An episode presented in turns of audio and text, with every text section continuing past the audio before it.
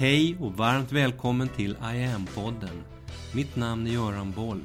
Här kommer jag varje vecka att presentera, utveckla tankar kring och polera på en ny facett av denna märkliga, mäktiga ädelsten vi kallar yoga. Hej! Efter förra veckans nyårskaramell, det där fina mötet med Jenny, en av alla dessa starka, kloka kvinnor som fått sina liv påverkade av yogan, så tänkte jag nu lite mer officiellt i ett extra långt avsnitt inleda 2023 med att prata om vad yoga är och vad yoga kan vara. Och jag vet att det här egentligen är ett mission impossible. Yoga är ju så brett så många olika saker för olika människor. Men jag tänkte ändå ge mig på och göra ett försök. Prova att åskådliggöra ett antal oerhört intressanta, viktiga facetter av denna fascinerande, djupt fascinerande kronjuvel som vi kallar yoga. Själv var jag 11 när jag första gången hörde talas om yogan. Jag läste ett kapitel om yoga, prana och kundalini i en bok om österländska discipliner som jag inom citationstecken i misstag fått med mig hem från biblioteket. Där fanns bland annat ett citat från Swami Vivekanandas bok Raya Yoga som han skrev 1896. Där han, utöver att återuppväcka intresset för Patanjali Yoga Sutras, som i princip varit bortglömda i 700 år, även pratade om yogans oerhörda kraft. Och han beskrev där hur den som behärskar prana och kundalini bokstavligt talat kunde rubba både solen och jorden ur sina banor. Wow! Det fastnade i mig förstås, satte ribban för 11-åriga superhjältefanset Göran. Det där bara måste jag ju kunna. Och jag försökte, där och då, få börja träna kundaliniyoga. Men det enda yogacenter som fanns i stan när jag var liten upplyste mig om att i Sverige så tränar man hatta-yoga och att jag var varmt välkommen igen att göra just det när jag fyllt 15. Det var nämligen åldersgräns för yoga på den tiden. Det tog ända fram till 1993 innan jag upptäckte att kundaliniyoga nått Sverige och fanns på ett yogacenter i Stockholm där jag började träna och gav mig på att försöka rubba på något. Yoga som galaktisk superkraft är kanske inte det första man tänker på eller läser om när man eh, tittar på hur yogan beskrivs i olika medier. Här i väst ses den ofta mest som friskvård, en form av lugn fysträning med fokus på balans och stressreduktion. Alla har vi hört om att yoga ska vara så bra för oss. Och googlar man på yogans effekter så är vanliga träffar just beskrivningar av allt som den är bra för. Muskler och leder. Flexibilitet, mobilitet, styrka, koordination. Bättre hållning, bålstabilitet. Bara för att nämna några exempel. Yogan beskrivs även kunna reducera värk och smärta, sänka blodtryck, stabilisera blodsocker och blodfetter. Den påverkar kroppen hormonellt i positiv riktning, stärker självförtroende, förbättrar koncentration, minne och fokus. Den påverkar viktbalans och matsmältning, ger mer medveten andning och bättre sömn. Den reducerar stress, ångest, nedstämdhet, oro och depression. Allt det här hittade jag på mindre än fem minuters googlande. Wow igen alltså. Inte så illa, om det stämmer. Mycket valuta för en stunds lite stillsamt böj och töj. Wow. Tar vi då sen det här ett steg längre, ännu lite djupare, så berättade nyligen min gode vän Satbir Kalsa en del ännu mer djuplodande saker om yogans effekter. Satbir som är bland annat biträdande professor vid Harvard är en av världens idag största auktoriteter på yogans effekter och yogisk forskning globalt. Han kan allt. Under en konferens nu i London i november där vi båda föreläste så berättade han följande om yogans effekter för publiken. Utöver det vi kan kalla allmän fitness så bidrar yoga också till att påverka och skapa djup avslappning, i hela det autonoma nervsystemet, både sympaticus och parasympaticus. Och även HPA-axeln. Allt det där som vi normalt sett inte kan påverka eller förändra. Yogan påverkar och expanderar också kroppens syreupptagningsförmåga. Jag minns på 90-talet så lärde jag ut yoga till svenska fridykare och hade väldigt god effekt, berättade de. Yoga reducerar kortisolinsöndring och har en starkt balanserande effekt på hela det centrala nervsystemet i sig självt.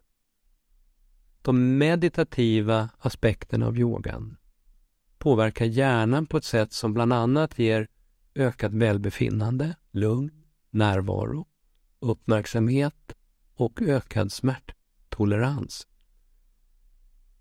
Hjärnans plastiska förmåga, det vi kallar neuroplasticitet, som handlar om hjärnans kapacitet att kunna bygga om sig själv, den ökar med yogans hjälp. Vilket också har en stärkande, fördjupande effekt på det man kallar medveten närvaro eller mindfulness. Ett fördjupat yogautövande leder sedan vidare till olika fördjupade livsupplevelser och tillstånd. Sånt där som vi kallar flow, transformation, transcendens. Den där känslan av allt djupare mening med livet. Allt det här enligt Satbir Khalsa. Wow, igen! Är allt det här också sant?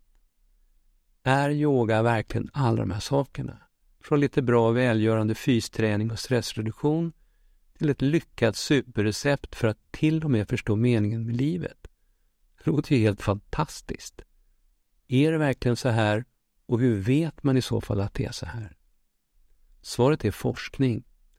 Modern vetenskaplig forskning publicerad i vetenskapliga tidskrifter som Lancet, Nature, New England Medical Journal med flera. Trovärdig medicinsk forskning och randomiserade studier utförda av utbildade forskare där yogan jämförs med kontrollgrupper där man använder olika och i forskningssammanhang godkända, accepterade fråge och utvärderingsformulär, typ SF36, EQ5D med flera. Riktig forskning.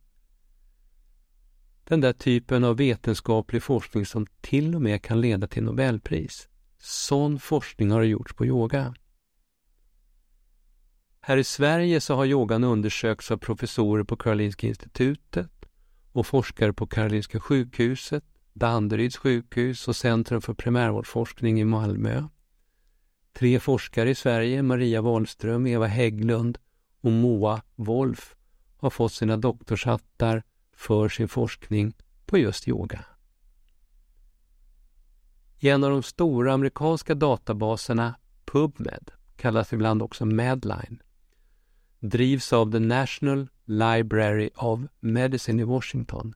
Där fanns nu vid årsskiftet inlagt över 41 000 publicerade studier som visar på mätbara effekter av yoga, meditation och mindfulness i olika sammanhang. Den här forskningen som går tillbaka genom hela 1900-talet har under de senaste årtiondena nu accelererat rejält. Bara under förra året, 2022, så lades det in över 5400 nya studier i PubMed. Det betyder över 14 nya studier varje dag hela förra året på yoga, meditation och mindfulness. Och apropå Nobelpris, forskaren Elizabeth Blackburn som 2009 fick Nobelpris för sin forskning på telomerer. Hon publicerade 2013 på det temat en studie på Kirtan Kriya, en mun, muddra mantra-meditation hämtad ur kundaliniyogan. Och hon såg att den gav mätbart livsförlängande effekter ända ner på cell och DNA-nivå. När en cell delar sig så uppstår två nya celler, båda med samma mängd DNA som ursprungscellen. De yttersta delarna av DNA-strängen, telomererna, de blir lite kortare för varje delning och efter 50 till 70 delningar så tar det normalt sett stopp och cellen dör. Telomererna avgör med andra ord cellens livslängd. Man har sett att telomererna blir kortare snabbare och man lever ett stressfyllt, mer osunt liv. En sundare livsstil med mindre stress gör att telomererna minskar i längd långsammare. Det Blackburn såg i sin forskning var att det finns olika sätt att öka halterna av någonting som heter telomeras, som är ett specifikt enzym som bidrar till att förlänga telomererna och därmed också öka livslängden på cellnivå. Och det som ökade halterna av telomeras allra mest, det var just meditationen Kirtankriya. 43 procents ökning av telomeraset. Kirtankriya kan du förstås hitta här också i online-tjänsten. Det ligger för närvarande 15 olika studier på just den här meditationstekniken i PubMed. Man har tittat på olika saker. Man har bland annat sett att den också påverkar hippocampus positivt. Hippocampus är en stresskänslig del av hjärnans limbiska system som bland annat är involverad i känsloreglering och minneslagring. Det sistnämnda har gjort den här yogaformen väldigt intressant för det amerikanska Alzheimerförbundet. Ett annat aktuellt exempel på vad forskningen säger om yogan det är en ny studie som i september 2022 publicerades i Canadian Journal of Cardiology. Där står att läsa att oavsett vilken träning du ägnar dig åt, lägg till yoga så ökar hälsofördelarna. Yogan förstärker de goda effekterna av annan träning och kan förebygga hjärt-kärlsjukdom, säger forskarna vid Laval University i Kanada. 60 frivilliga med högt blodtryck gjorde i den här studien 30 minuters aerob, det vill säga syreförbrukande träning, fem dagar i veckan. Hälften la till yoga, den andra hälften gjorde stretchövningar. Efter 12 veckor så hade blodtrycket sjunkit med 10 punkter i yogagruppen jämfört med 4 i stretchgruppen. Yogan sänkte också vilopulsen och den totala risken för att utveckla olika former av hjärtsjukdom under tio år framåt, sa forskarna. Törs man säga wow igen, eller? Tar vi nu sedan det här ytterligare ett steg längre, ett steg djupare, så är idag kvantfysik den absoluta frontlinjen, det mest avancerade som människan ägnar sig åt vetenskapligt. Kvantfysiken har haft en enorm inverkan på utformning och utveckling av hela det moderna samhället. Genom att utnyttja kvantfysiska egenskaper hos ljus och olika material så har man bland annat kunnat uppfinna transistorn och lasern som sedan i sin tur ligger till grund för hela den moderna informationsteknologin med datorer, internet och mycket annat. Det satsas idag miljarder i både euro och dollar varje år på kvantteknologi över hela världen. Den påverkar i princip allt i det moderna livet. Samtidigt som den i grunden bara är en beskrivning av hur materia och energi lite knäppt och galet beter sig nere under ytan, nere i mikrokosmos. Kvantfysiken är också det område där den västerländska vetenskapen allra tydligast har hunnit ifatt och bekräftat yogans olika energimässiga tankegångar. Kvantfysiken beskriver, fast i moderna termer förstås, på ett väldigt spännande sätt den underliggande energimässiga verklighet som yogan har pratat om i årtusenden. De tidiga kvantfysikerna, kvantfysikens fäder, Niels Bohr, Max Planck, Heisenberg, Schrödinger, Pauli med flera, de började under det tidiga 1900-talet påpeka att tid och rum och materia, på det sättet som Newton ett par hundra år tidigare hade beskrivit det, det var inte alls så självklart och solitt en bit ner in under ytan. De allra minsta legobitarna längst in de var inte fysiska överhuvudtaget. De verkar faktiskt vara gjorda av ingenting. Den underliggande verkligheten består av vibrerande energi, säger både kvantfysiken och yogan. De tidiga kvantfysikerna hade på sina nattduksbord och inspirerades tydligt av vedaskrifterna, Bhagavad Gita, Upanishaderna och annan yogisk filosofi samtidigt som de utvecklade den moderna kvantfysikens grundtankar. Man skulle kunna säga att kvantfysiken, åtminstone delvis inspirerad av yogan, förde in medvetandebegreppet i fysikens värld. Einstein lär ha sagt Anyone who becomes seriously involved in the pursuit of science becomes convinced that there is a spirit manifest in the laws of the universe, a spirit vastly superior to that of man. Nobelpristagaren Max Planck, en annan av kvantfysikens fäder, uttryckte det så här. All matter originates and exists only by virtue of a force. We must assume behind this force is the existence of a conscious and intelligent mind. This mind is the matrix of all matter. Och det här är inte bara historik. Sökorden Quantum Physics and Yoga ihop ger idag många miljoner träffar. Även dagens kvantfysiker pratar om yoga. Forskaren och kvantfysikern Amit Goswami till exempel, han sa att verkligheten som varande medvetenhet, det är kvantfysikens gåva till världen och vetenskapen. I The Quantum Doctor från 2004, som är en av många böcker han skrivit om kvantfysik, så pratar han om medvetenhet och yoga som han ser som naturligt integrerade aspekter av framtidens medicinska vård.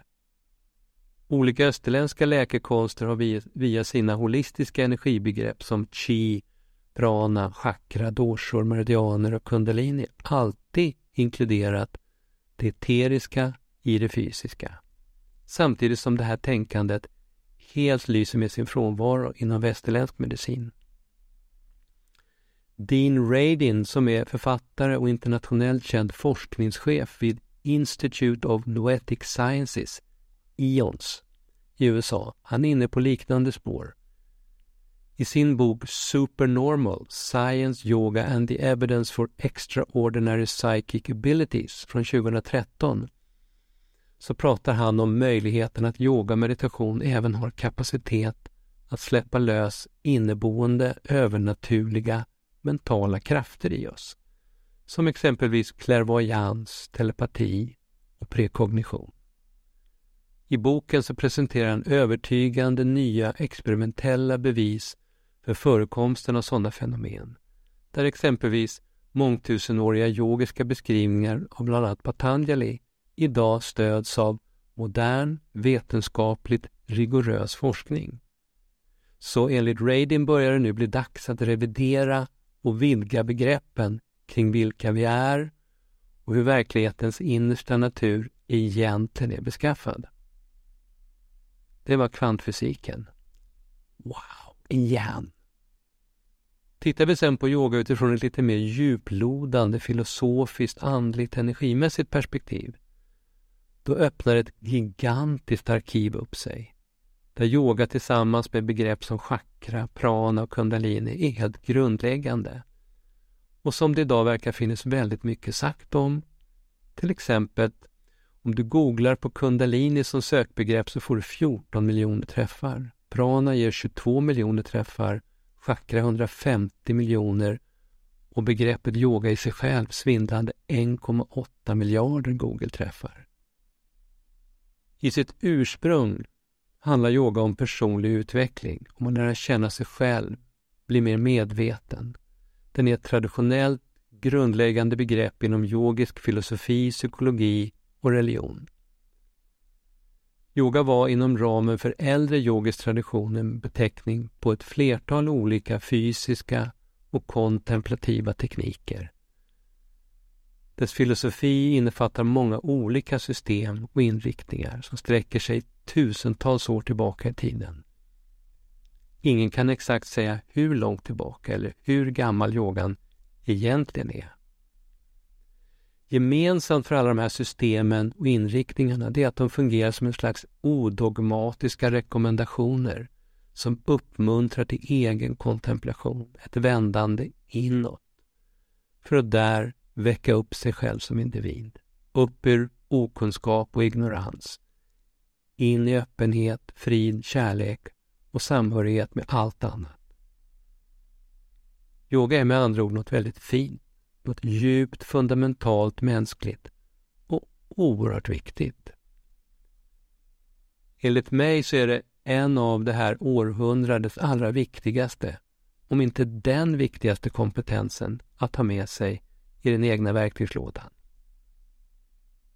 IAMs hemsida iamyoga.online handlar om hur viktig och kraftfull som en inifrån dig själv balanserande, lyftande kraft som yoga kan vara, där du öppnar upp för och fullt ut tar in den via alla facetter i ditt liv.